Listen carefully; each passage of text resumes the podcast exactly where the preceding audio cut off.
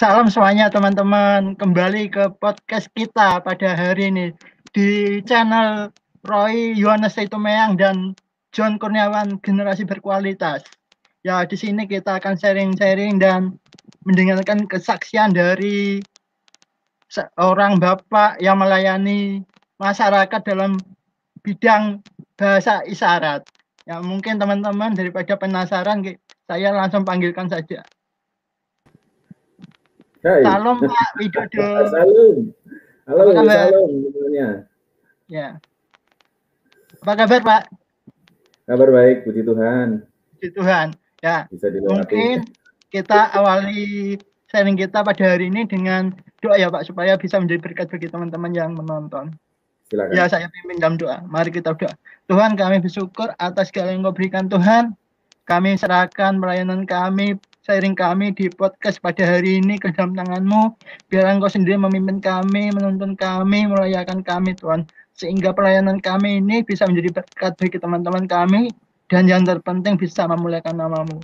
Tuhan kami mau serahkan Tuhan pertemuan kami pada hari ini ke dalam tangan-Mu. Haleluya. Amin Amin. waktu selanjutnya saya serahkan ke Pak Widodo ya untuk kesaksian. Oke, baik. Salam saudara-saudara sekalian, anak-anak muda dan semua yang melihat podcast dari Mas John dan kawan-kawan. Hari ini saya mendapat kehormatan, kesempatan untuk menceritakan kesaksian pribadi saya, bagaimana Tuhan menuntun saya, membawa saya. Terlebih dari itu, Tuhan menampi saya, dan sampai sekarang berproses untuk menjadi pribadi yang berkenan kepada Tuhan. Bukan hal yang mudah, tetapi semua itu memang harus saya lewati dan harus saya jalani. Nama saya Widodo, panggilan di Jakarta nih Widodo, kalau panggilan di kampung itu Didi. Jadi nama lengkapnya itu Endik Widodo. Saya lahir di sebuah kampung eh, namanya desanya Desa Bondo. Daerahnya itu namanya Tok Jeru. Kalau sekarang diganti menjadi Tok Rejo. Daerah saya itu di utara eh, pantai Jawa dan saya lahir dari keluarga yang menurut saya ya biasa-biasa saja lah gitu. Bahkan cenderung dalam perkembangannya saya mungkin juga teman-teman yang lain yang sekampung juga tahu bahwa hidup keluarga saya ini banyak perjuangan.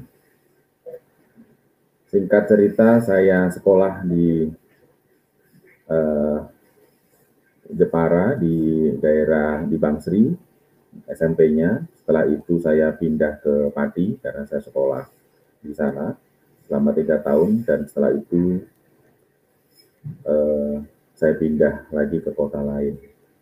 Selama dalam masa pertumbuhan saya dari eh, kecil, saya banyak menyimpan kenangan manis dan juga kenangan manis dan juga kenangan pahit ya. Itu lumayan ada di dalam diri kita dan kita semua pasti juga mengalami ada suka dan duka dalam sebuah kehidupan di tengah-tengah keluarga. Saya ingat pada waktu saya di eh, daerah saya yang di Bondo itu, daerah saya adalah daerah yang memang eh, perbandingan orang Kristen dan orang non-Kristennya itu eh, 50% 50% dari satu satu desa itu dulu itu ada sekitar hampir 10 gereja kalau tidak salah itu. Sehingga ikatan kekeluargaan di antara gereja-gereja itu juga bagus. Kita bisa kalau Natalan itu bisa saling tukar-tukaran apa namanya? tukar-tukar paduan suara gitu. Kalau dibilang nakal saya sih ya biasa aja lah, nggak nggak menjadi orang yang boleh dibilang yang pemabuk juga tidak, gitu, perokok juga tidak, karena memang ya nggak pantas saya merokok saudara-saudara. Sampai sekarang saya juga tidak merokok gitu. Bukan alasan hemat, tapi teman saya bilang katanya nggak pantas kamu merokok. Oh, ya sudah, saya ngikutin teman saya seperti itu. Nah dalam perkembangannya saya dididik di sebuah gereja dengan eh, pengajaran Injili, lalu ada juga ke karismatik, terus juga eh, melanglang buana di beberapa tempat. Nah, saya mulai mencoba setelah lulus kuliah, eh, lulus sekolah itu, saya mulai mencoba mengadu nasib ke daerah Bandung. Pengen menjadi tentara ceritanya, pengen menjadi angkatan udara. Tapi ternyata ya eh, berkata lain ya, saya tidak diterima. Dan akhirnya saya ikut masih saudara saya untuk pergi ke Jakarta. Saya bekerja menjadi uh, buruh di sebuah hmm, pabrik furniture ya untuk apa namanya itu bikin lemari, meja dan alat-alat boleh bilang alat uh, furniture. Uh, itu kerjaannya itu dengan teman-teman itu ada beberapa sampai sekarang itu kalau suruh ngamplas saya masih bisa lah ya.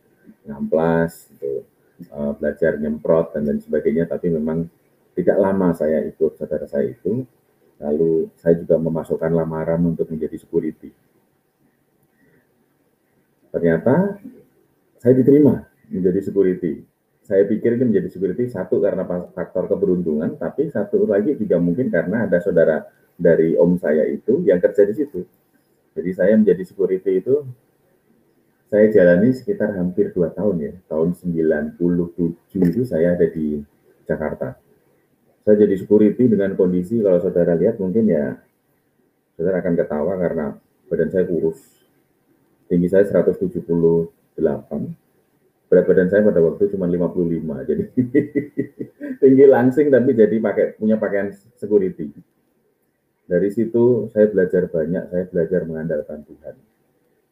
Karena pada saat saya menjadi security itu, eh, di situlah kesempatan saya banyak membaca firman Tuhan. Dan di situ juga saya bertemu Tuhan secara pribadi. Saya dijamah di sebuah gereja. Saya mengalami uh, kalau orang karismatik bilang itu mengalami baptisan Roh Kudus, saya mengalami jamahan Roh Kudus. Lalu saya melihat ada yang berubah dalam diri saya. Saya mulai memahami dan mengenali siapa diri saya. Apakah sebelumnya saya nggak kenal? Oh kenal, kenal. Tapi saya kenal sebagai anaknya Pak ini dan saudaranya ini dan saya tinggal di sini. Tapi saya sebenarnya tidak mengenali siapa saya sesungguhnya ini yang akhirnya menjadi apa namanya menjadi titik tolak perubahan dalam hidup saya. Setelah saya menerima uh, karunia dan menerima uh, dipulihkan gambar dirinya melalui uh, perjumpaan saya dengan Tuhan, jamahan yang Tuhan berikan kepada saya, proses itu berlanjut.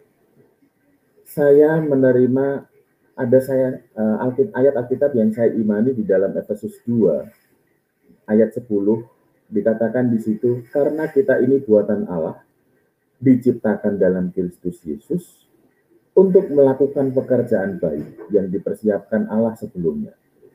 Ia mau supaya kita hidup di dalamnya. Ada satu pertanyaan dalam diri saya pada waktu itu yang saya tanyakan berulang-ulang. Benarkah saya ini buatan Allah. Kalau benar saya buatan Allah, berarti Allah punya tujuan untuk hidup saya. Apa mungkin Allah menciptakan segala sesuatu itu hanya orang itu lahir, lalu besar, lalu menikah, lalu punya anak, berumah tangga, punya anak, lalu setelah itu uh, meninggal. Apa sesimpel itu Allah menciptakan kita hanya seperti itu? Pemikiran saya juga berlanjut, apa bedanya saya dengan binatang kalau seperti ini? Nah, pemahaman saya mulai juga dibuka lagi setelah mengenal gambar diri saya bahwa saya ini berharga di mata Allah. Saya dalam kondisi saya dulu itu sering kali lah gitu orang itu kan kalau orang di kampung saya nggak tahu itu terlalu jujur atau apa. Tapi itu kalau me, me, apa, memuji orang itu kayaknya itu jarang orang-orang di kampung itu. Nggak tahu kenapa mungkin alasannya adalah ya kalau dipuji nanti takutnya sombong. Ini sampai sekarang ini saya masih dengar tuh kata-kata seperti itu. Tapi kalau dipuji sombong gitu. Padahal kalau kita memuji orang itu juga nggak ada nggak ada salahnya gitu. Jadi selalu kalau dikatakan itu ini, oh, orang jelek, siapa kamu jelek? Nah itu tuh membuat salah satu ya, salah satu yang membuat saya itu gambar dirinya hilang dalam kondisi fisik saya merasa bahwa saya ini orang paling jelek seluruh dunia. Jika satu saat saya pernah pergi ke Tamasya, ke Jakarta itu, saya nggak berani foto sama teman-teman saya. Kalau foto rame-rame oke, okay. tapi kalau foto berdua, bertiga gitu seperti itu, saya pasti minder. Saya paling suka saya fotonya sama siapa? Sama patung. Jadi paling enggak kalau saya sama foto sama patung itu saya masih lebih hidup lah daripada patung itu yang mati gitu sampai drop seperti itu harga diri saya, boleh dibilang gambar diri saya. Karena saya selalu ingat bahwa, oh ya saya jelek, saya beda sama yang lain. Saya itu pipinya tembem, badannya kurus, hitam lagi, hidup lagi, waduh, itu jelek sekali. Nah, dari memori masa kecil itu, begitu saya diubahkan oleh Tuhan, eh enggak, ternyata saya ini buatan Allah. Ada ayat Alkitab yang mengatakan engkau itu berharga. Wah, begitu saya dengar ayat itu, walaupun sudah baca ulang-ulang, tapi karena momennya tepat saya mendengar pada waktu itu, saya saya langsung bilang, eh Tuhan saya berharga ya. Karena saya berpikir bahwa diri saya itu ya biasa aja, nggak berharga. Engkau berharga di mataku. Itu kata-kata itu, ayat itu sangat menyentuh saya. Betapa berharganya saya di mata Tuhan. Dan sejak itu, orang mau bilang saya jelek, saya nggak peduli. Tapi saya bilang diri saya cakep dan saya tidak ada duanya. Saya mulai menggali-menggali, eh benar kan? Ternyata banyak hamba-hamba Tuhan mengatakan bahwa kita ini unik. Bahwa kan di seluruh dunia ini, kita nggak ada yang menyamai walaupun mukanya sama. Bahkan sidik jari kita juga berbeda. Artinya, di situ saya percaya benar-benar bahwa Tuhan menciptakan kita. Tuhan menciptakan saya ini satu-satunya di dunia ini. Dan itu unik. Itu pemulihan pertama, yaitu tentang gambar diri saya di mana Tuhan memulihkan kehidupan uh, pribadi saya menjadi orang yang percaya diri. Bahkan bisa-bisa kayaknya over control ya, over over percaya diri saya. kan ada kalau kadang-kadang ini orang-orang di dekat saya berkata bahwa kamu ini malu-maluin kata terlalu percaya diri. Tapi ya sudahlah, karena itu yang memang Tuhan buat dalam diri saya dari orang yang tidak percaya diri menjadi orang yang percaya diri. Kenapa? Karena kita meyakini bahwa saya ini adalah pribadi yang unik, pribadi yang berbeda dari yang lain. Cari di seluruh dunia ini yang sama dengan saya, pasti tidak ada. Cari di dunia ini yang sama dengan Mas John, pasti tidak ada. Cari di dunia ini yang sama dengan engkau, pasti tidak ada. Karena alam menciptakan engkau unik, alam menciptakan engkau spesial, dan hanya kamu satu-satunya. Dan Allah lebih lagi Allah mengenal namamu. Wah, ini membuat saya kaget. Aduh, ternyata dikenal nama kita sama Allah. Ini luar biasa. Kalau saudara dipanggil aja sama Pak Presiden Jokowi, John, sini John. Waduh, itu berupa suatu kehormatan. Karena apa? Tahu namanya. Hanya dipanggil namanya saja itu sudah menjadi sebuah kehormatan. Nah, ini perubahan yang terjadi dalam diri saya pada saat saya mengalami perubahan gambar diri. Nah, Perubahan yang kedua adalah tentang tujuan. Kita ini buatan Allah. Oke. Okay. Lalu diciptakan di dalam Kristus Yesus untuk melakukan pekerjaan baik yang dipersiapkan Allah sebelumnya. Pada saat itu saya uh, membaca sebuah buku yang sangat menarik. Buku itu The Purpose Driven of Life. Kalau tidak salah itu dari Pastor Rickburn. Yang menunjukkan apa tujuan hidup kita sebenarnya? Ke mana dan siapa kita sebenarnya? Buku itu sangat bagus. Dan ketika saya membaca itu, saya mulai paham. Ternyata Allah menciptakan kita itu harus memberi dampak. Bukan hanya, ini, bukan hanya di mana kita dilahirkan, tetapi ini berdampak untuk alam semesta. Waduh, itu benar-benar itu memulihkan semua pandangan tentang tujuan hidup saya yang ya pastinya ya seperti tetangga saya, seperti teman-teman saya. Ya begitu aja lah hidup itu nanti paling juga buka toko. Ya hidup yang sewajarnya saja. Menjadi hidup yang tidak wajar. Kenapa? Saya mulai dipengaruhi dengan tadi itu. Allah tidak menciptakan kita dengan sia-sia, tetapi Allah menciptakan kita dengan sebuah tujuan.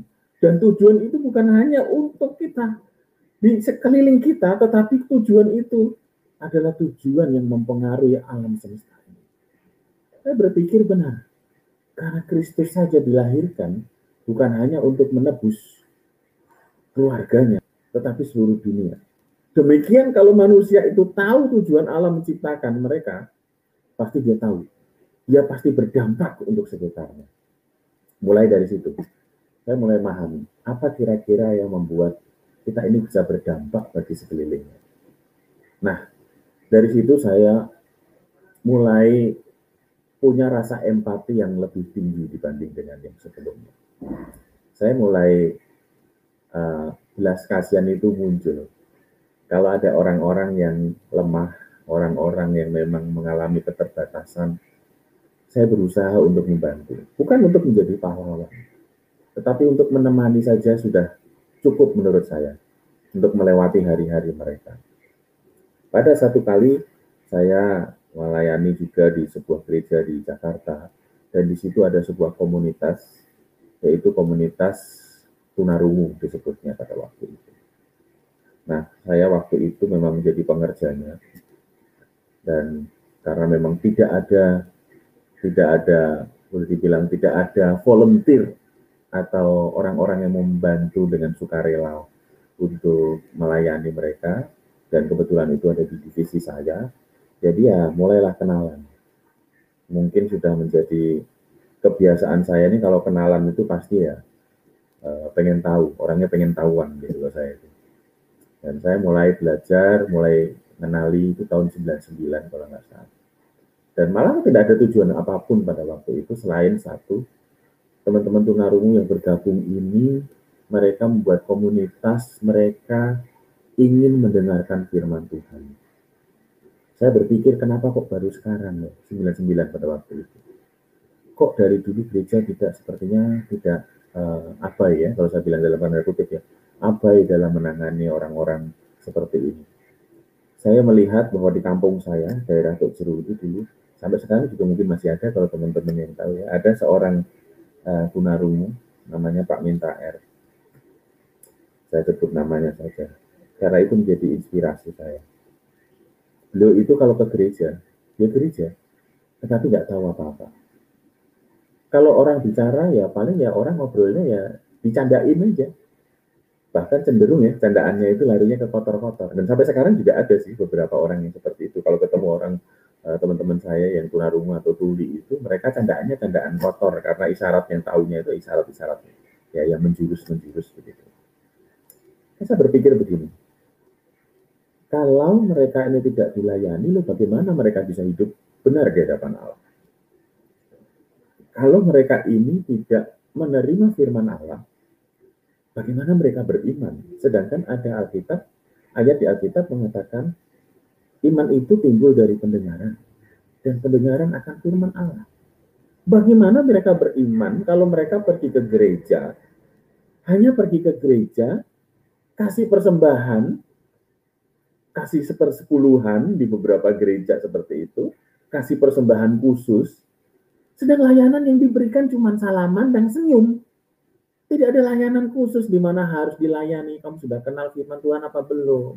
Bahkan kalau dinikahkan ya sudah yang penting ya oke, okay, iya oke, okay. ditulis, ayo kita menikah, sudah kita nikahkan selesai. Layanan-layanan pastoral dalam sebuah gereja ini belum maksimal. Saya tidak menyalahkan gereja, tetapi pasti ada sesuatu yang akan membuat layanan ini menjadi berdampak dan berpengaruh. Nah, mereka pada saat itu menggunakan bahasa isyarat American Sign Language, ASL, standar-standar Amerika. Akhirnya saya ikut belajar. Dari belajar pertama, ya ikut ngajar. Mengajar dengan apa yang saya pahami pada waktu itu. Mengajar tentang penciptaan, mengajar tentang apa namanya penyalipan Kristus, penebusan dosa, bagaimana uh, manusia diselamatkan oleh Tuhan dengan bahasa isyarat. Ya fokusnya hanya pengennya ya supaya apa? Supaya teman-teman ini mempunyai uh, apa namanya pemikiran atau pengetahuan tentang Alkitab ini bertambah dan mereka sangat antusias. Saya senang sekali. Setiap kali habis melayani mereka itu saya merasa seperti ada yang apa namanya? Seperti mengerjakan sesuatu, mendobrak sesuatu yang terhalang dan itu menjadi uh, daerah yang gelap itu menjadi terang. Wah, itu rasanya seperti itu. kalau dibilang itu saya berpikir bahwa ya mirip-mirip dengan guru lah ya. Mengajar kepada murid-murid yang tidak paham tentang uh, suatu sebuah mata pelajaran dan akhirnya dia bisa menjadi pinter. Nah, kita ini lebih dari itu. Kita mengajar mereka dari nggak mengenal Allah menjadi mengenal Allah. Nggak perlu pergi jauh-jauh ya ke pelosok-pelosok pedalaman. Karena di pelosok-pelosok juga sebenarnya sudah penuh. Eh ada orang ini di kota. Ada orang di kota nih yang benar-benar kita lihat tiap hari mereka nggak begitu kenal firman Tuhan dan ini yang itu menjadi tanggung jawab kita bersama pada waktu itu. Wah itu perjuangannya luar biasa. Saya senang sekali. Bahkan kalau sekarang ini saya mikir lagi ke masa-masa seperti itu, saya juga seperti orang wah. Kalau dipikir saya kurang waras sekali. Kenapa?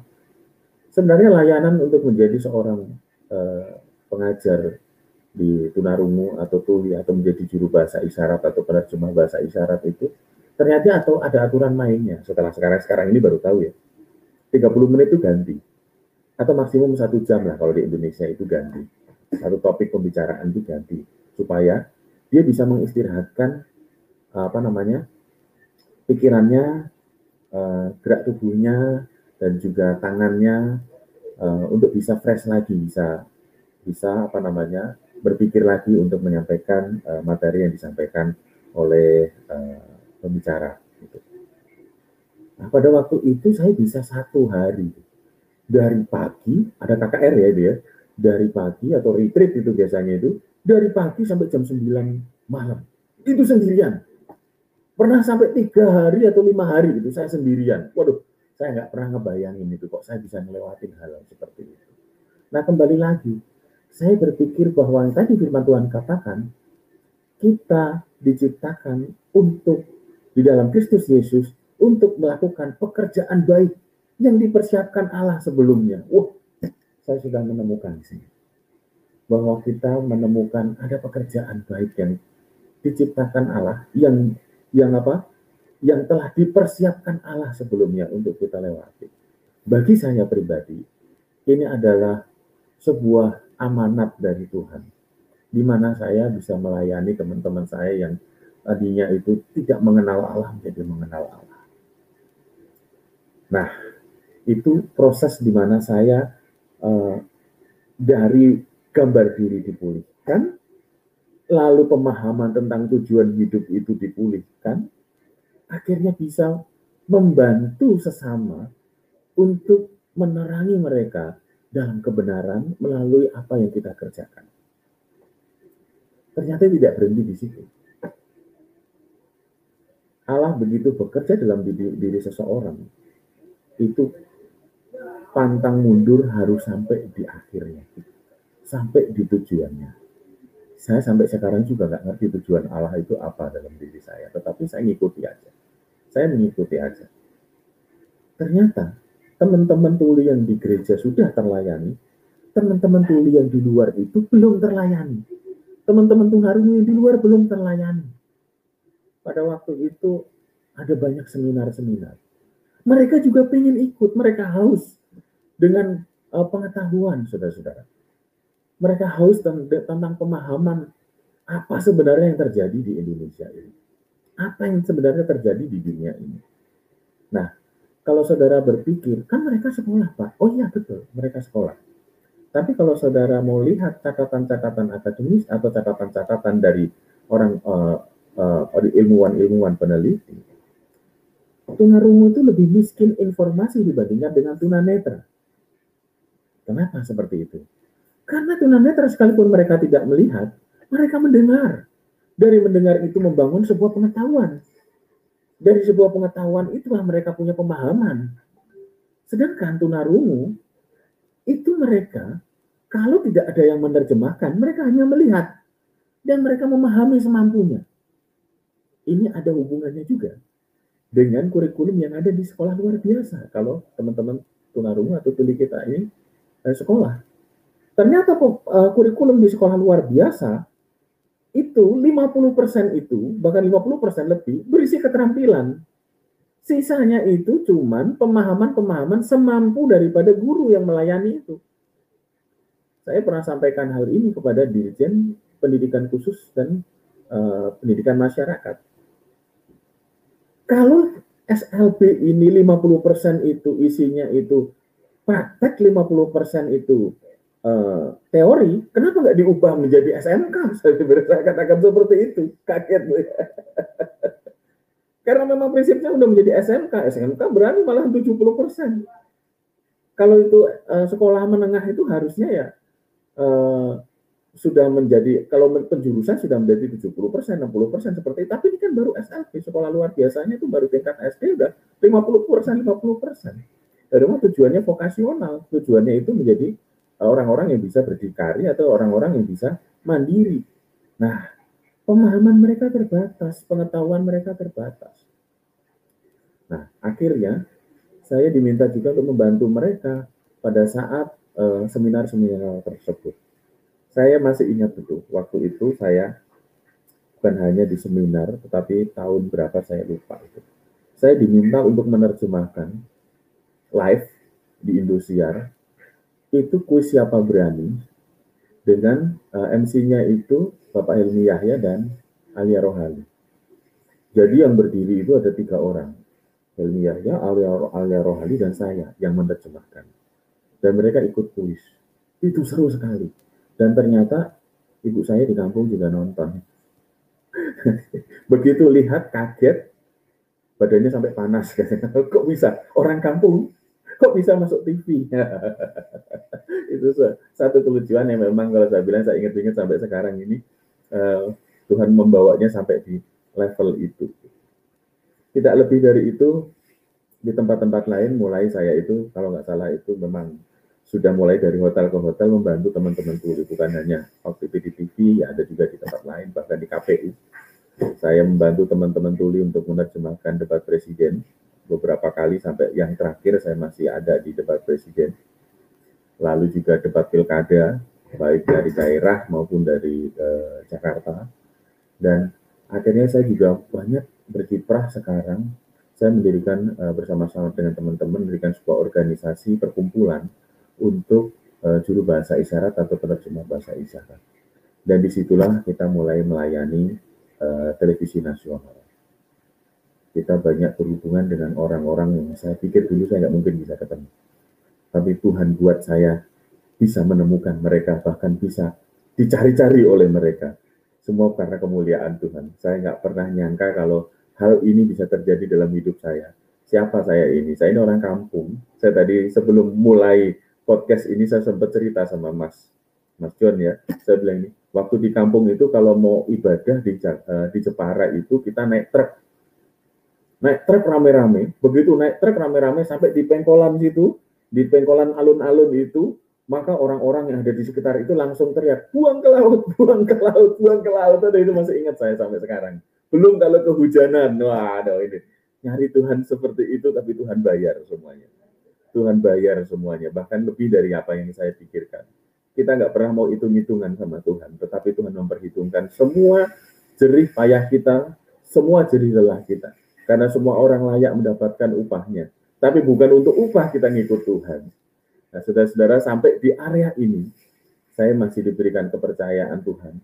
Saya masih melanjutkan studi saya, dan juga masih uh, ada ikut training di salah satu lembaga untuk uh, yang jelas ini untuk kemajuan teman-teman tunarungu khususnya yang Kristiani supaya mereka menerima akses yang setara dengan teman-teman uh, dengar lainnya ya. Saya kalau katakan dengar itu kalau teman-teman lain bilang katanya normal gitu. Mereka normal semua normal semua hanya tidak mendengar. Mereka berbeda cara berkomunikasi. Jadi kalau kenapa harus pakai isyarat sih Pak? Loh iya. Karena kalau dengan berbahasa isyarat kita memperjelas apa yang sedang disampaikan. Sama seperti halnya kalau saya tiba-tiba, amit-amit ya, saya tiba-tiba masuk ke Filipina, bahasanya Tagalog, saya nggak tahu apa-apa, makanya saya pakai bahasa isyarat di situ. Aman. Jadi kalau saudara mau belajar bahasa isyarat, ayo belajar bahasa isyarat supaya apa? Kalau kesasar, kalau kesasar, saudara masih tetap bisa berkomunikasi paling tidak dengan teman-teman dengan komunikasi yang bisa uh, dipahami oleh semua orang di dunia inilah gitu. Atau kalau saudara sakit tenggorokan, nah saudara bisa menggunakan nggak usah teriak-teriak. Karena beberapa teman-teman saya sarankan, eh, belajar, belajar bahasa isyarat itu banyak gunanya. Kita nggak akan pernah tahu kan. Uh, bule saya kalau nggak salah kemarin itu ada yang mengalami stroke ya. Kenapa nggak belajar bahasa isyarat? Saya katakan seperti itu. Karena kalau orang stroke itu nggak usah teriak-teriak, kita pakai tangannya aja. Minta makan, minta minum, gampang, lebih mudah gitu daripada mesti teriak-teriak kan. Tapi suaranya tidak jelas gitu. Karena ada salah satu uh, yang saya pernah ketemu itu kalau orang udah mulai mengalami stroke itu, itu mau bilang kemangi aja keliru kemenyan. Bahasanya itu bisa berbalik-balik karena ada yang nggak nyambung di sini, ada yang tersumbat, saudara-saudara. Nah, mungkin uh, kesaksian saya ini loncat-loncat, tetapi yang jelas kesaksian saya ini berdasar dari Efesus 2 ayat 10 tadi, karena kita ini buatan Allah. Saya harus paham diri kita ini buatan Allah, bukan buatan Cina bukan buatan lokal. Kita adalah buatan Allah. Tidak mudah rusak. Kita lihat, kita kuat, kita tangguh. Kita bukan orang yang gampang putus asa. Sekalipun badai mendera, tetapi Tuhan tetap menguatkan kita. Diciptakan dalam Kristus Yesus untuk melakukan pekerjaan baik yang telah dipersiapkan Allah sebelumnya. Anda dilahirkan di sini ini, dilahirkan di dunia ini, mempunyai sebuah misi, mempunyai sebuah tujuan. Temukan itu jadi berdampak bukan hanya di lingkungan sekitarmu tetapi alam semesta ini. Harus saudara mempunyai dampak untuk mereka untuk alam sekitar kita. Dan ia mau supaya kita hidup di dalamnya. Sebagai penutup ia mau supaya kita hidup di dalamnya. Saya perjalanan hidup saya tidak semulus yang orang lihat. Banyak banyak badai banyak gunung terjal yang saya harus lewati banyak air mata yang mesti saya titikkan. Tapi saya percaya bersama dengan Tuhan kita mampu melewati semuanya. Amin. Tuhan memberkati. Silakan, Mas John. Nah, keren Pak kesaksiannya Pak. Walaupun banyak rintangan, banyak kesulitan, tapi tetap menikmati proses itu sampai pada yes. akhirnya Bapak bisa sampai sekarang ini. Wah, luar biasa sungguh menginspirasi apa menginspirasi kita semua. Nah, ini Betul. saya mau bertanya pada Bapak.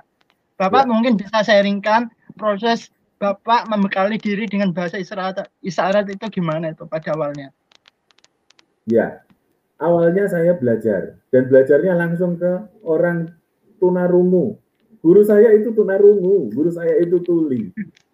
Jadi dari situ saya belajar memahami, oh maunya begitu. Ada aksen-aksen khusus ya di orang-orang tuli itu yang kalau saya ngajar, bisa saya ngajar. Tetapi kalau yang ngajar itu tuli, saya bisa lihat gesturnya. Saya ini cerita lucunya ya. Setiap saya bertemu dengan teman-teman tunarungu yang baru, yang baru kenal saya ya, baru ketemu saya, lalu saya berbicara dengan bahasa isyarat dengan mereka. Yang mereka tanyakan apa? Sekolah SLB di mana? Saya dipikir tunarungu. Mereka akan tanya istrinya normal, dengar, atau orang tuli. Saya bilang, normal kok bisa dapat istri orang dengar. Jadi belajarnya dari mereka. Nah, ada prosesnya belajar American Sign Language, lalu habis itu belajar Bisindo sekarang yang ada ya. Yang kita layani di TV-TV itu pakai Bisindo, tapi ada juga satu lagi di CB ya. Itu untuk bahasa-bahasa di SLB. Kita belajarnya juga dengan orang tuli itu.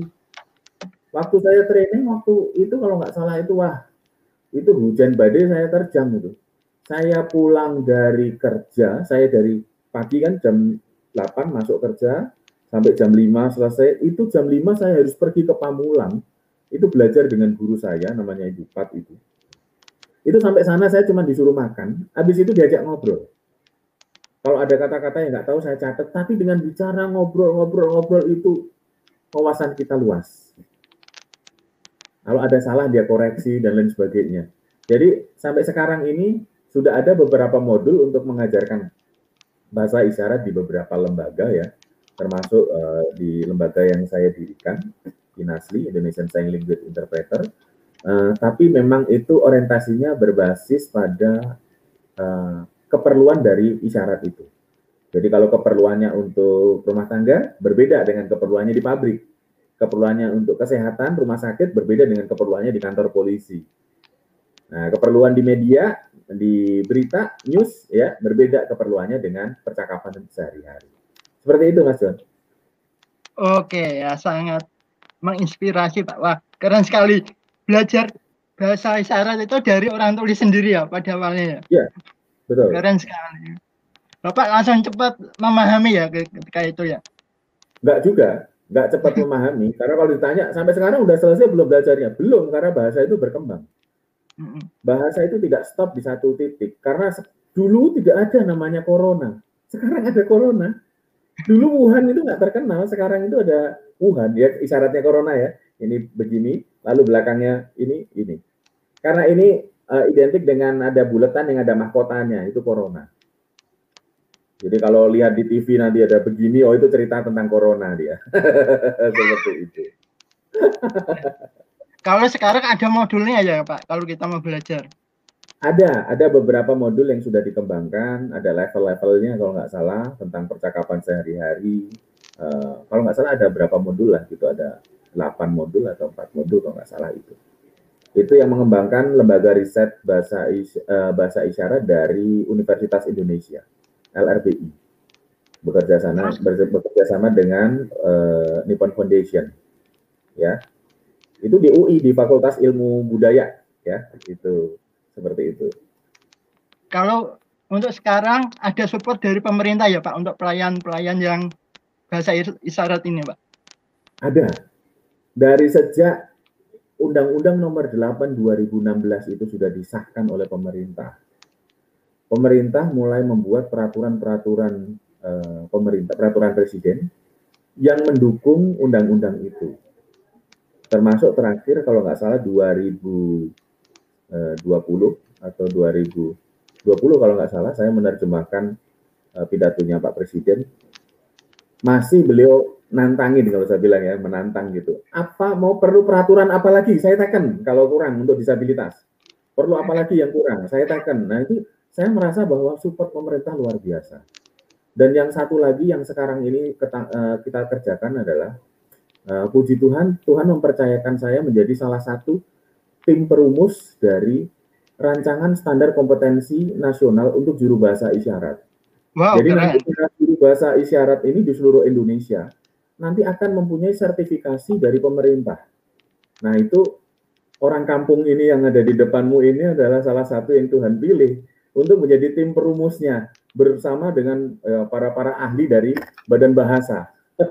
Puji Tuhan, ada yang memang kita kerjakan, ada yang kita wariskan untuk bangsa kita. Oke, Pak, ini ada pertanyaan saya mau tampilkan di layar, Pak. Silakan. Ya. Tuh, Pak.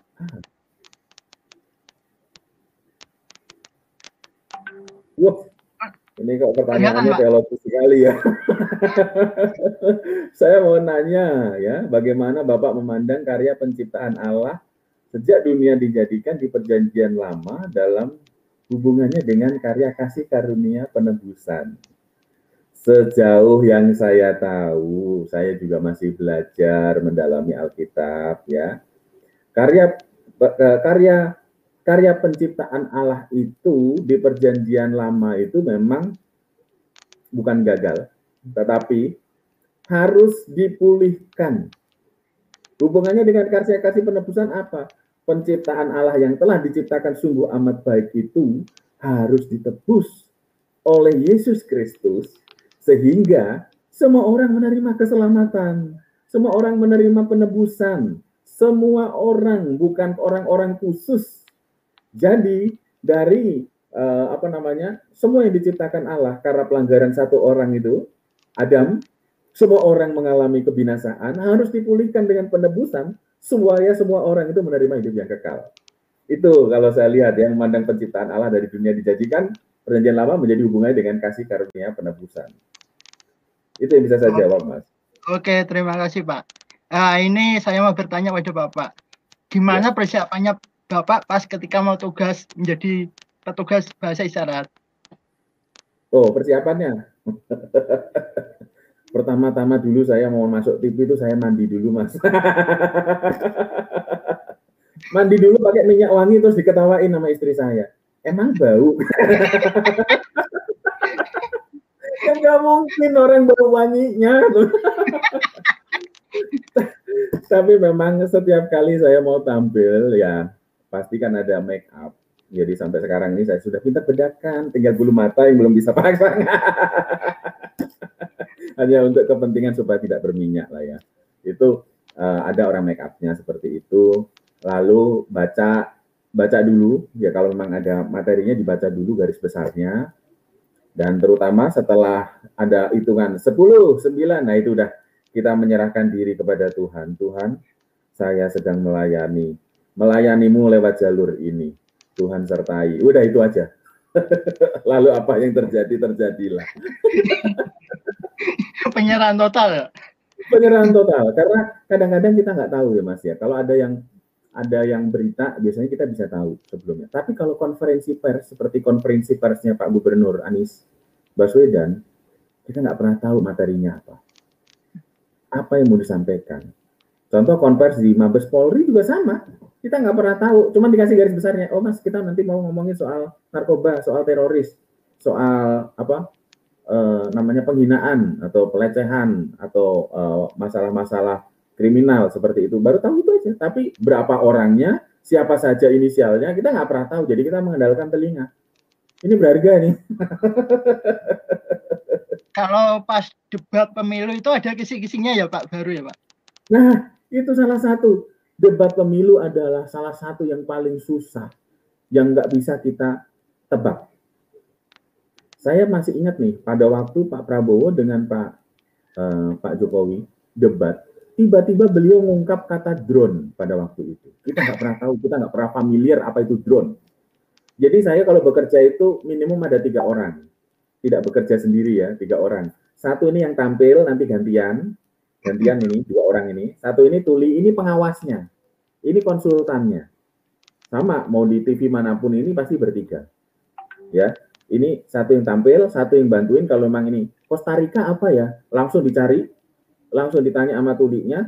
Lalu setelah itu di ini oh, udah ketemu isyaratnya, pertama kita eja ya, lalu kita ganti dengan isyarat yang ada. Jadi kerjaan kita ini kadang-kadang kan banyak yang dalam tanda kutip, kutip orang tidak tahu berpikir alah cuman gini-gini doang masa nggak tahu. Nah dicoba, dicoba. Yang suka bilang yang cuman gini-gini doang ini, ayo coba gitu loh. Nah kita dievaluasi dan diawasi langsung oleh teman-teman tuli. Sampai sekarang ada sekitar hampir 10 orang yang bekerja bersama kami, teman-teman tuli. Mereka mempunyai penghasilan dengan menjadi uh, penasehat isyarat di lembaga yang kita buat ini dan di beberapa TV yang ada. Seperti itu. Jadi kita buka lapangan pekerjaan juga nih buat teman-teman tuli yang ada. itu Mas. Sama-sama terima berkat ya Pak. Iya, sama-sama. Kalaupun ada yang minta belajar gitu, saya nggak akan ngajar. Saya akan kasih kepada teman-teman saya yang tunarungu atau tuli untuk ngajar. Karena native speaker atau orang bule itu lebih pinter Inggrisnya daripada orang Jawa. Inggris saya ini kan selalu dikata-katain Inggris Jawa, Inggris Jawa gitu. I want to go to, ah itu kan ngomongnya kan lalu terlalu medok kan. Medok kan Iya, kalau Inggrisnya Inggris native kan Inggrisnya orang orang bule, wah lebih clear. Nah, kalau isyaratnya itu yang ngajar orang tuli, gesturnya lebih jelas dibanding dengan orang dengar. Gitu. Dan lebih Jadi, masuk ya, Pak? Ya, lebih masuk. Kita punya bagiannya masing-masing gitu. Jadi kalau untuk penerjemahan, penjuru bahasaan memang harus orang dengar. Kenapa? Kita menghindari delay.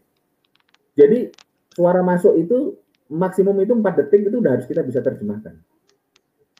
4 detik itu udah harus menjadi sebuah isyarat. Jadi mikirnya begini, informasi masuk, terus masuk ke otak. Otak ini kalau bahasanya tinggi, kita kompres, kita turunin dulu, cari padanan katanya, idiomnya apa, kira-kira kata ini yang sama apa, Lalu setelah itu kita mulai berpikir kira-kira ekspresinya bagaimana, gerakan tangannya seperti apa, lalu kita kerjakan itu. Tuh, prosesnya panjang, tapi mikirnya harus cuma 4 detik. Nggak boleh mikir dulu apa yang tadi ya, ah, kelamaan, selesai. Seperti itu, tapi itu ya jam terbang sih. Tinggal jam terbangnya Pak, nanti yang iya, membuat ya, kita harus jam terbang, harus jam terbang dibanyakin. Percuma kalau kita belajar nggak mau ada pelatihan lebih lanjut pribadi gitu. Betul, belajar jangan jangan jangan inilah, jangan setengah-setengah kalau belajar. Belajar itu sampai kita mengembuskan nafas terakhir itu belajar. Bahkan nafas terakhir pun kita belajar, belajar menyerahkan diri kita kepada Tuhan. Masuk, Pak. Nah, ini ada pertanyaan lagi. Nah, kesulitan, kesulitan atau kendala apa dalam melayani bahasa isyarat, Pak? Yang menjadi kesulitan atau kendala?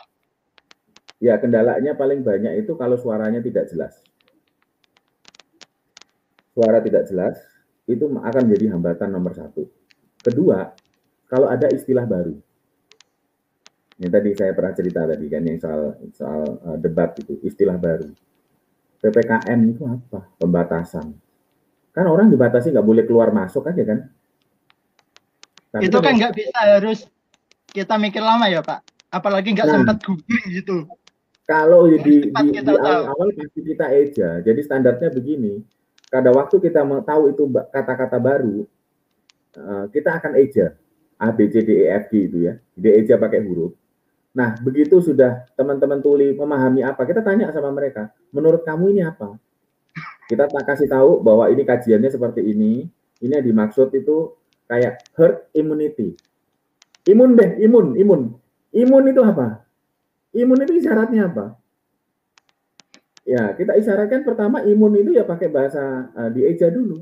Tapi lama-lama imun itu diisyaratkan menjadi di dalam tubuh ini terbuka, lalu ada penyakit datang, dia keluar. Ini imun. Jadi kebal ya, kekebalannya.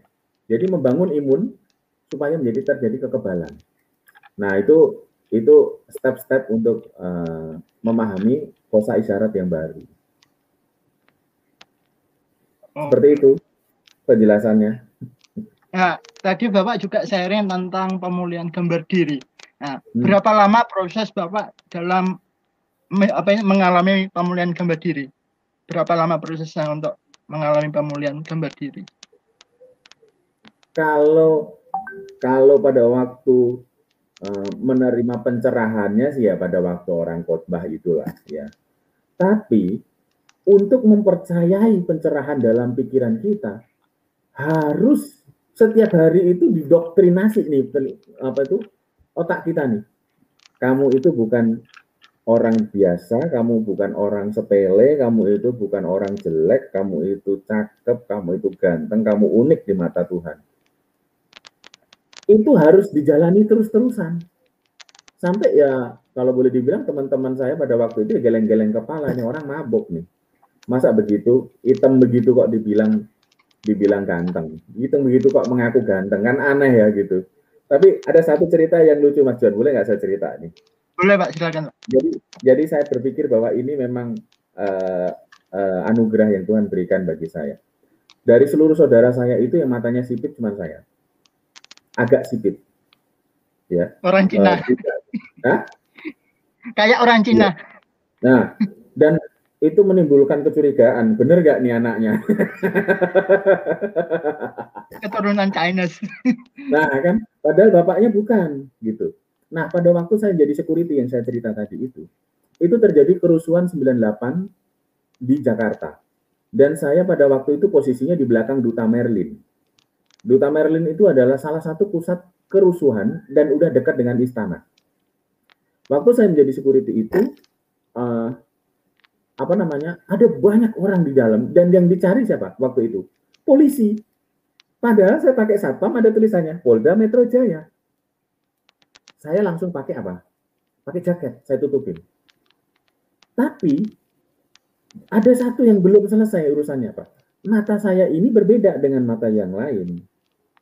Hanya saya bersyukur waktu itu ya, kulit saya itu hitam. Jadi paling tidak, saya bersyukur saya punya kulit hitam. Saya nggak ada rasis di sini, tapi pada waktu itu dengan saya kulit hitam, ya saya dipikir sama dengan mereka lah. Karena teman-teman saya yang Manado, Nias, diuber-uber. Dicari sama mereka. Ini kan putih, ini kan sipit. Nah, saya yang hitam sendiri. Sudah.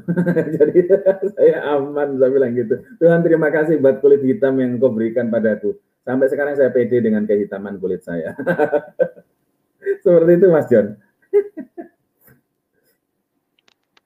Mungkin ini ada teman-teman yang menyaksikan Pak sedang mengalami yeah. insecure ataupun merasa minder, nggak pede, mungkin Bapak bisa ngasih motivasi pada teman-teman yang menyaksikan dan mengalami problem kayak gini Pak, insecure atau nggak percaya diri atau merasa rendah diri Pak. Ya, terima kasih.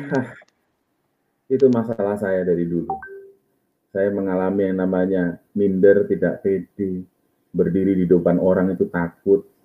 Bahkan kan jangan-jangan berdiri di depan orang. Ketemu pejabat itu saya bisa gemeteran. Saya pernah pada satu saat itu ketemu sama polisi yang masih boleh dibilang pangkatnya masih ya waktu itu apa letnan ya, letnan satu, letnan dua itu saya gemeteran. Nah, saya berpikir gini, ya, gambar diri harus kamu temukan. Kamu itu unik. Ya tadi saya ceritakan itu ya. Percayalah apa yang dikatakan Alkitab bahwa Tuhan itu menciptakan kamu spesial. Jangan percaya kata orang. Kamu jelek, kamu hitam, kamu dekil, kamu itu katrok, kamu itu deso dan lain-lain. Jangan pernah percaya kata orang kalau kamu mau berubah, kamu upgrade diri kamu, Tuhan bikin kamu lebih spesial dari sekarang. Ya, amin ya. kita percaya kita diciptakan unik. Di dunia ini nggak ada yang sama dengan kita. Sidik jari kita aja berbeda. Cari sidik jarinya sama, nggak ada. Semuanya berbeda. Itu Ya, berarti kita fokus mendengarkan apa kata Tuhan. Karena iya. apa yang dikatakan Tuhan itu memang harus kita dengarkan karena kita ciptaan Tuhan, kita anaknya Tuhan. Jangan sampai kita berfokus apa kata manusia yang negatif membuka, yang membuat kita down. Ya, ya. cuma kalau kita mendengarkan kata manusia yang membuat kita down, kita kita tidak akan bisa maju ya Pak. Betul. Kita harus fokus pada Tuhan karena masa depan kita pun ada di tangan Tuhan. Nah ini Betul. saya mau, mau bertanya pada Bapak. Kadang saya menjumpai teman-teman remaja pemuda itu kalau diajak diajak pelayanan itu nggak mau dengan alasan merasa tidak layak, merasa berdosa. Padahal mereka itu bertalenta. Kan sayang kalau ya. mereka itu bertalenta tapi tidak melayani Tuhan. Dengan alasan merasa tidak layak atau berdosa. Mungkin Bapak bisa memotivasi teman-teman kayak yang mengalami masalah kayak gini gitu. Supaya ya. mau melayani Tuhan. Untuk teman-teman youth ya, anak-anak muda, kamu kapan Sucinya kapan? Keburu Tuhan datang ya, Pak. Coba kasih tahu sama Mas John atau sama pendetanya, ya gembalanya. Pak, saya mau melayani setelah tanggal ini karena habis ini saya suci. Saya jamin kamu gak akan suci-suci. Kecuali dua sekalipun namanya suci ya, kamu gak akan pernah suci-suci, benar-benar suci. Karena kesucian, Mas, kesucian itu harus dirajut. Seperti lukisan, kita itu belajar melukis pertama pasti jelek. Sama, kita menapaki sebuah kesucian hidup suci, pertama pasti gagal. Belajar lagi, belajar lagi, belajar lagi. Sampai kita menjadi mempelai yang sempurna bagi Kristus. Caranya gimana? Melatih kesucian ada di dalam diri kita. Caranya gimana? Berkomunitas, caranya mulai melayani Tuhan dengan apa yang ada dalam diri kita. Kita ini kita ini memang kita ini diciptakan dalam kondisi kita ini keturunan orang berdosa. Tetapi Tuhan sudah menawarkan anugerah. Kalau kamu mau ditebus, Tuhan tebus, Tuhan bayar. Kok kamu nggak mau? Dengan kita tidak mau melayani karena kita menganggap diri kita belum suci, belum layak, artinya kita menolak penebusan dan kita meremehkan penebusan Tuhan. Ingat baik-baik. Ini untuk teman-teman ya. Ayo melayani Tuhan. Jangan memikirkan bahwa saya belum suci. Loh, kalau memang belum suci, bagian mana kamu yang belum suci? Kapan kamu adakan pemberesan? Yang kedua, pesan saya, ayo pastoralnya bergerak karena dari tim pastoral pastoral gereja ini yang bisa membuat gambar diri anak-anak muda ini menjadi pulih. Libatkan dalam segala sesuatu pekerjaan di gereja supaya mereka menjadi anak-anak yang memang bertumbuh di dalam lingkungan lingkungan yang orang-orang takut akan Tuhan itu akan menjamin masa depan mereka. Warisan orang tua itu paling semalam juga habis. Tetapi warisan takut akan Tuhan itu dibawa sampai kekekalan. Gitu Mas John. Ya Pak, terima kasih Pak. Dan yang terpenting kita harus menyadari hal ini. Kita sudah dilayakan oleh Tuhan. Karena kita Betul. memang awalnya tidak layak, tapi Tuhan sudah layakkan kita melalui pengorbanannya di kayu salib. Gitu. Tinggal kita percaya atau enggak gitu. Iya. Kalau kita sudah percaya, ayo kita melayani Tuhan dengan maksimal sampai kita dipanggil Tuhan. Kalau kita nunggu ntar ntar ya, kapan keburu Tuhan panggil kita nanti. betul betul. Kalau dipanggil masuk surga. Kalau dalam ketidakbenaran kita, berarti kita udah menentukan diri kita mau pergi ke mana. Makanya ikut terlibat dalam pelayanan itu sebagai itikat, tindakan kita mau hidup benar di hadapan Tuhan. Itu buktinya. bukan malah menunda-nunda, tidak mau dan lain sebagainya. Nah ini memang harus ada tim pastoral dari gereja yang memang bergerak merangkul semua pihak ya. Kalau menurut saya juga Pak, pelayanan itu adalah salah satu proses untuk kita bisa mengalami perubahan. Betul. Iya. Ini ada ya. pertanyaan lagi dari saya Pak. Kapan ya. mulai Bapak pelayanan tuna, tunarungu itu? Mulai kapan? Sejak kapan? Tahun 1999. Dengan diawali diawali pelayanan dari gereja. Oh, dari gereja ya, Pak? Gereja ya. yang support ya? Iya, gereja yang support. Oke, ini ada pertanyaan lagi dari saya. Suka dukanya apa dalam melayani orang-orang yang tunarungu itu? Suka dukanya itu, sukanya mereka memahami apa yang kita isyaratkan. Itu tidak ada harganya saat saya berisyarat lalu teman-teman tunarungu langsung mengangguk-ngangguk paham, itu bagi saya itu nilainya lebih di atas 5 triliun. Nilainya besar sekali. Saya nggak bisa dibayar dengan hal itu. Nah, dukanya apa? Dukanya adalah ada banyak orang-orang dengar, bahkan ada organisasi, lembaga, termasuk di dalamnya. Gereja. Belum berpikir bahwa ini adalah sebuah layanan, sebuah pekabaran Injil bagi orang-orang yang belum mengenal Tuhan. Saya pernah sampaikan di satu forum katakan begini, kalau sampai ada ayat yang mengatakan begini, Tuhan datang uh, setelah Injil diberita, diberitakan kepada seluruh bangsa. Ada ya ayatnya itu ya. Tuhan Yesus akan datang lagi setelah Injil diberitakan ke seluruh bangsa. Halo, bangsa tunarungu belum selesai urusannya. Bangsa ini harus dituai bagi kemuliaan Tuhan. Setelah itu ada bangsa-bangsa lain yang harus mendengar Injil. Dan dari situlah mereka menjadi bagian dari keluarga Allah di kerajaan kekal nanti. Jadi dukanya apa? Banyak yang mengabaikan. Banyak yang mengabaikan pelayanan ini.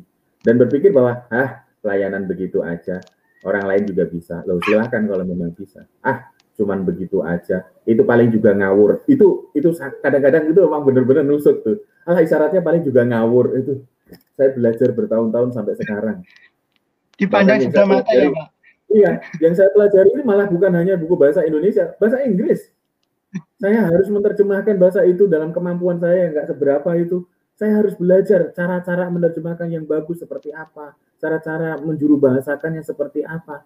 Dan hanya orang memikirnya gampang, ah, cuman begitu doang. Paling juga uh, ngawur. tapi ya nggak apa-apa itu memacu kita kan untuk memberikan layanan yang iya. lebih baik. Jangan sampai down, tapi untuk menyemangati kita aja. Ya. Biasa, biasa itu fenomena hidup. ya ini ada pertanyaan la lagi dari saya. Harapan ya. apa Bapak ke depannya untuk Indonesia? Khusus untuk apa yang saya ceritakan malam hari ini, saya mohon Indonesia, pemerintah lebih ramah kepada teman-teman saya yang disabilitas. Karena mereka bukan warga negara nomor dua di negara ini. Ingat mereka kalau beli motor, BPKB, STNK bayar pajaknya sama, tapi layanannya selalu berbeda. Kalau pergi ke gereja, bayar sepersepuluhan itu sama. Tidak ada yang kamu seperlima saja atau kamu seperdua, jangan ada. Atau kamu seperlima belas, seperenam belas, tidak ada tapi layanan yang diberikan gereja harus sama. Kepada seluruh yang memang mendengar atau mengerti tentang uh, materi uh, uh, pemerintahan atau dalam kegiatan melayani masyarakat, jangan pernah sepelekan kehadiran mereka. Teman-teman disabilitas khususnya ajak mereka bersama-sama duduk bersama untuk merencanakan, untuk merancangkan kira-kira fasilitas yang diperlukan apa Jangan pernah berpikir bahwa teman-teman disabilitas, khususnya tunarungu ini adalah sebuah gangguan. Tidak. Itu adalah tanggung jawab kita bersama. Ya. Jadi orang kalau disabilitas, contoh teman-teman tunarungu itu, kalau sudah ada penerjemahnya, masih disabilitas nggak, Mas? Sudah hilang disabilitasnya. Masalah hambatan dia adalah masalah hambatan di telinga. Begitu kita sudah menerjemahkannya, sudah hilang dia menjadi orang yang sama dengan kita. Nah, ayo lingkungan yang berubah, bukan dia yang kita ubah. Tidak usah melengkapi ya, Pak. Iya, tidak usah aneh-aneh, kita doakan 40 hari, 40 malam, kasih aja aksesnya. nggak usah kita operasi dan lain sebagainya. Kalau memang ada ke kemungkinannya silahkan, kita tidak menutup untuk kebutuhan medis. Tetapi sekali lagi yang menentukan itu adalah tunarungu atau teman-teman disabilitas itu sendiri. Supaya mereka berdiri di kaki sendiri. Mereka pernah bilang ke saya bahwa kami juga nggak senang kalau dibantu terus, kami ingin mandiri. Makanya kalau untuk teman-teman disabilitas atau teman tunarungu, berikan mereka akses, berikan mereka pekerjaan, jangan hanya kasih sembako. Karena mereka ingin menjadi manusia yang terhormat. Teman-teman tunarungu yang ikut saya di pekerjaan saya sekarang ini menjadi mentor, menjadi pengajar, mereka sekarang bisa menghidupi keluarganya. Dan keluarga memandang mereka menjadi orang-orang yang terhormat. Bukan orang-orang yang hanya begini sama keluarga, tetapi mereka bisa menghidupi keluarganya. Nah, saya pikir bahwa ada ketentuan-ketentuan dari pemerintah yang sudah diberikan. Contohnya, kuota 2% untuk BUMN bagi penyandang disabilitas, termasuk di pemerintahan daerah. Nah, ini kalau ada pemerintahan daerah Jepara, ayo masukkan mereka menjadi pegawai. Jangan berpikir kalau tunarungu nggak bisa jadi pegawai. Emang kalau uh, tunarungu itu nggak bisa di gudang, Enggak juga kan, mereka juga bisa ngitung kok, nggak bisa dia di depan. Oh bisa, kalau bisa nganterin orang jadi protokol dan lain sebagainya, bisa semuanya. Bahkan kalau di jalan tol itu ah, cuman nempelin gitu aja kok nggak bisa. Kan nggak perlu bahasa Inggris kan itu kan. Nggak perlu ngomong yang aneh-aneh kan itu kan. Nah, saya pikir bahwa semua akses harus dibuka supaya merata. Semua orang terlayani uh, seperti dengan kebutuhannya masing-masing. Itu dari saya, Mas untuk mereka yang tunarungu dan lain sebagainya yaitu berarti dibutuhkan kepedulian dari kita yang real ya Pak supaya ya. menjadi nyata. Gitu. Kalau gereja melihat ada teman-teman tunarungu seperti ini dan belum dilayani, buru-buru tanya kebutuhanmu apa. Hmm, kebutuhanmu apa? Perlu apa? Nah, boleh sih kalau mau sharing-sharing dengan saya uh, ini Pak saya ada lima orang nih Pak di gereja ini. Mau diapain ya? Gitu. Ayo. Mau diapain? Hah? mau diapain? Maksudnya mau ini mau dilayani seperti apa? Biasanya kan mereka kebingungan kan itu. Aduh mau diapain nih? Siapa yang ngurusin nih? Nah gitu. Ya mau nggak mau memang pengerja pengerjaannya harus di training. Pengerja pengerjanya harus dia dibekali menjadi uh, sumber daya manusia yang handal untuk melayani mereka. Begitu. Itu salah satu pelayanan jiwa-jiwa yang maksimal ya Pak yang iya. real. Itu jiwa loh, harganya sama. Itu sama-sama punya nyawa, itu sama-sama punya jiwa dan Kristus datang untuk mereka juga. Sama-sama berharga ya. Iya sama-sama berharga. Kecuali tunarungu enggak, eh, itu termasuk di dalamnya. Jadi semua sakramen di gereja itu harus dikerjakan bagi mereka ini ada pertanyaan dari saya lagi Pak. Apa yang ya. menjadi kekuatan Bapak sehingga bisa dan mau melayani Tuhan sampai sekarang Pak? Panggilan sih. Panggilan. Kembali lagi panggilan ya Pak? Panggilan. Memang hmm, berpikir untuk bisa sejauh ini melayani mereka. Tapi uh, semakin hari saya semakin uh, difokuskan oleh Tuhan. Saya berpikir begitu ya. Karena uh, yang saya terima itu tiap hari itu rangkaiannya itu udah mulai jelas gitu saya bilang gitu. Dari sini kenapa jadi begini, kenapa jadi ini, lalu sekarang ini ada seperti ini. Itu memang step-step yang saya ngikutin aja Tuhan maunya seperti apa. Jadi kalau ditanya, kenapa ngikutin ini, fokus di sini. Sekarang saya sudah full time kalau saya bilang itu, full time untuk melayani menjadi juru bahasa isyarat. Hmm, karena mungkin saya pikir bahwa itu memang sudah menjadi panggilannya. Sudah menjadi jalannya seperti itu. Oke. Mungkin sudah ada mungkin sudah tidak ada pertanyaan dari saya Pak. Mungkin Bapak bisa kasih closing statement buat kita bahkan buat teman-teman yang menyaksikan Pak. Dan setelah itu Bapak bisa tutup jam doa pertemuan kita pada malam hari ini. Terima kasih. Baik. Mas John, terima kasih banyak sudah mau berbincang-bincang. Dan saya pikir bahwa ini saya harapkan menjadi alat Tuhan supaya menyadarkan kita bahwa ada saudara-saudara kita yang perlu kita ajar, perlu kita bantu untuk mereka bisa memahami, mengerti dan mempunyai iman yang sama kok uh, seperti kita uh, beriman kepada Tuhan. Memahami Alkitab sebagaimana kita juga memahami orang-orang dengar memahami Alkitab, memahami pengetahuan tentang Tuhan dan mengerti serta menjalankannya dalam kehidupan sehari-hari. untuk teman-teman jangan pernah kalian putus asa dengan kondisi yang sekarang. Percayalah Tuhan punya rencana khusus untuk kalian. Ya, kita diciptakan dalam Tuhan, kita diciptakan dalam Kristus Yesus, kita menjadi orang-orang yang kuat. Kita bukan orang yang lemah. Dan kita sudah dipersiapkan perbuatan baik, pekerjaan baik yang Allah sudah persiapkan bagi kita harus kita jalani. Tetap mencari kehendak Tuhan tetap mencari perkenanan Tuhan, hidup dalam kesucian, hidup dalam uh, penuh penundukan diri kepada Tuhan. Dan untuk gereja-gereja yang ada di seluruh dunia, bahkan di seluruh Indonesia yang melihat, uh, ayo bergerak melayani mereka, karena mereka jiwa-jiwa yang Tuhan rindukan untuk bersama-sama kita masuk di dalam kekekalan. Terima kasih untuk bincang-bincang malam hari ini, Mas John. Ya, Terima sama-sama, kasih untuk semua yang sudah melihat. Uh, mohon maaf kalau saya ada salah-salah kata dan juga uh, ada beberapa yang lompat-lompat kesaksiannya karena memang ya inilah saya dalam keterbatasannya. Saya berusaha untuk memperbaiki diri saya. Terima kasih dan kita berdoa untuk menutup podcast kita pada malam hari ini. Mari kita sama-sama berdoa. Bapak di dalam surga, Bapak yang kami kenal dalam nama Tuhan Yesus Kristus, kami bersyukur buat hari ini kami boleh berbincang-bincang walaupun waktu hanya sebentar, tetapi kami mohon kiranya perbincangan ini Tuhan kuduskan. Tuhan uh, jadikan menjadi titik tolak bagi orang-orang yang Tuhan nanti uh, mereka boleh melihat perbincangan kami ini sehingga mereka boleh tersentuh hatinya.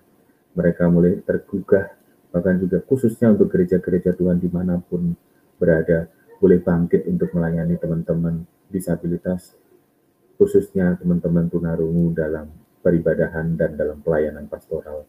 Tuhan, kami bersyukur biarlah uh, pertemuan kami, perbincangan kami malam hari ini uh, menjadi berkat bagi banyak orang.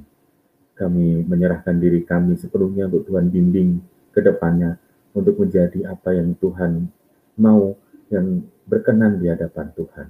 Tuhan memberkati Mas John dalam seluruh kegiatannya dan rekan-rekan yang mengadakan podcast ini dalam melalui podcast ini banyak anak-anak muda yang dijangkau. Banyak inspirasi yang mereka boleh terima sehingga mereka menjadi anak-anak pilihan Tuhan.